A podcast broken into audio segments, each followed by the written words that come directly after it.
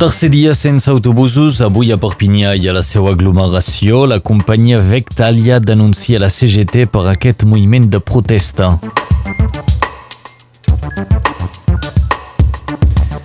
Junqueras, Sánchez, Turull, Rull i Romeva van sortir de presó ahir per assistir a la constitució de les Corts Espanyoles, una imatge insòlita, la dels presos polítics als hemicicles del Congrés i del Senat.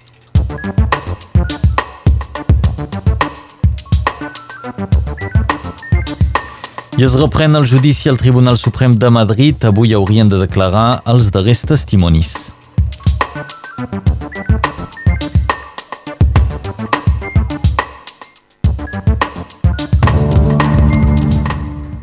Ahir van començar unes recerques al massís del Carlit per trobar un excursionista de 48 anys desaparegut des de diumenge. Es tracta d'un home de la Rieja amb bons coneixements de muntanya. La seva desaparició va ser constatada dilluns quan es va presentar al seu lloc de treball. El seu vehicle va ser trobat ahir a l'estany de Fontviva, al municipi de Portepimorent.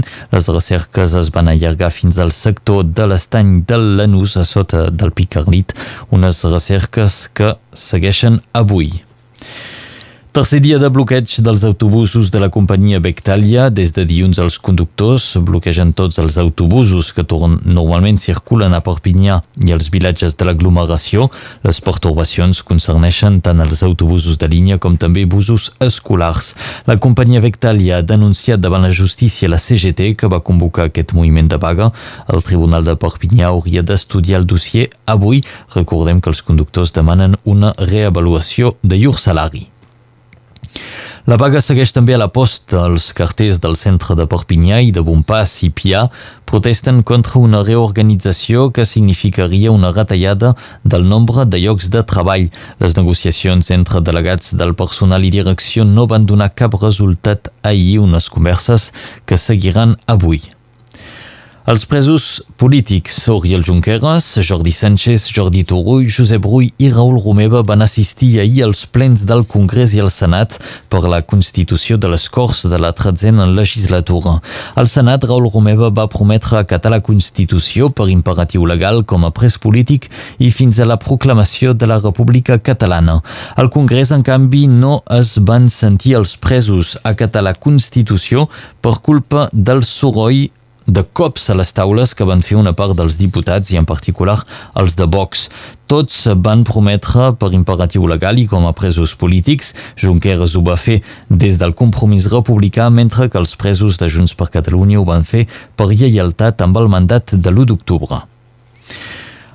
Els moments que van generar més expectació van ser les trobades i les converses dels presos polítics amb els altres membres del Congrés.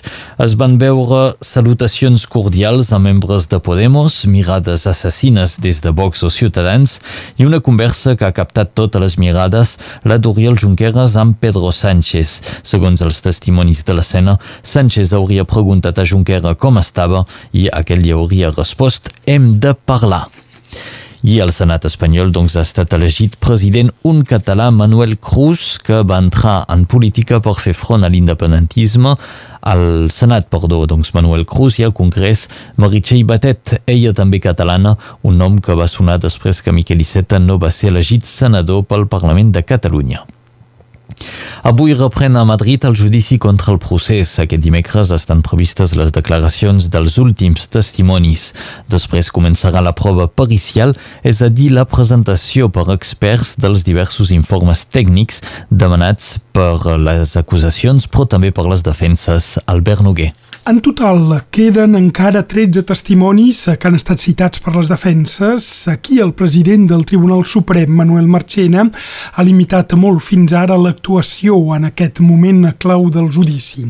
I tot apunta que continuarà així, ja que Marchena ha avisat que quan arribarà el moment de visionar els vídeos no es podrà fer cap comentari ni explicació, només prendre apunts per la fi del procés. Justament aquesta setmana els observadors internacionals han denunciat l'actitud desconsiderada i limitant del magistrat Manuel Marchena amb els testimonis de la defensa. International Trial Watch, eh, acusa el jutge de parcialitat i critica que impedeixi als votants de l'1 d'octubre fer valoracions sobre la jornada de votació, una cosa que va ser totalment admesa per la sala quan els declarants van ser policies i guàrdies civils proposats per l'acusació. D'altra banda, els observadors també retreuen a la sala el desinterès en la violència policiaca de l'1 d'octubre. Els observadors lamenten que els magistrats del Tribunal de l'1 d'octubre van fer fins i tot una nota criticant l'estratègia de les defenses. Aquesta nota, que segons els observadors internacionals suposa una reprimenda extraprocessal a l'estratègia d'una de les parts i podria derivar en una limitació del dret de defensa. Moltes gràcies, Albert Noguer.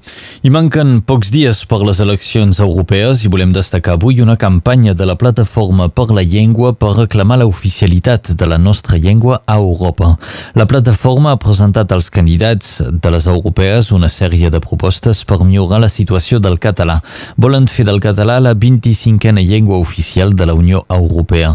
Podeu donar suport a la iniciativa signant una petició en línia al www.lallenguanoestoc roca.cat. I acabarem al Senat francès, que va adoptar ahir el projecte de llei per una escola de confiança. Aquest text preveu, per exemple, la suspensió de les ajudes econòmiques pels pares dels alumnes que més siguin absents a classe. Un altre punt d'aquest text és particularment polèmic, ja que prohibeix el vel per les mares que acompanyin la mainada durant les sortides escolars. El text votat ahir pel Senat és ben diferent del que van adoptar a l'Assemblea ara mm, va ser el mes de febrer. Dels 25 articles, només 12 s'han conservat tal qual. Per tant, a principis del mes de juny, les dues cambres hauran de trobar una entesa en comissió mixta paritària.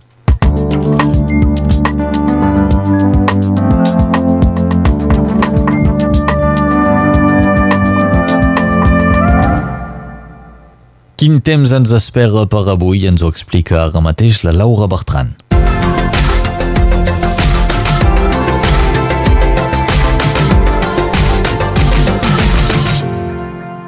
sol i calor en general, amb possibilitats de pluges febles a muntanya. Per començar el dia avui tenim un ambient ben assolellat, amb cel blau i clar. Al migdia hi pot haver algun núvol poc important del banc de l'Alt Vallespí. Aquesta tarda i al vespre podria ploure de forma feble a Cerdanya i sobre les Alberes. El vent és molt fluix, pràcticament inexistent, pel que fa de les temperatures són més altes que les d'ahir. Les màximes arribaran fins als 27 graus a Salses, 26 tant a Serret com a Perpinyà i Taltaúi, 25 a Prada, 24 graus a Elna, 23 a Sureda, 22 del banc de Colliure Molitxo encara Tallet, 20 graus a Prats de Molló, 19 a Fontpedrosa, 18 a Er, 17 17 a Montlluís i 16 graus de màxima a Formigueres. El sol es pondrà a les 9 i 10 del vespre, guanyarem així dos minuts de llum del dia. Avui és l'aniversari del tenista Novak Djokovic, així com del jugador del Barça Arturo Vidal, els dos fan 32 anys. A Martinica és el dia de la commemoració de l'abolició de l'esclavatge, mentre que al Iemen el 22 de maig és el dia de l'unificació i doncs festa nacional.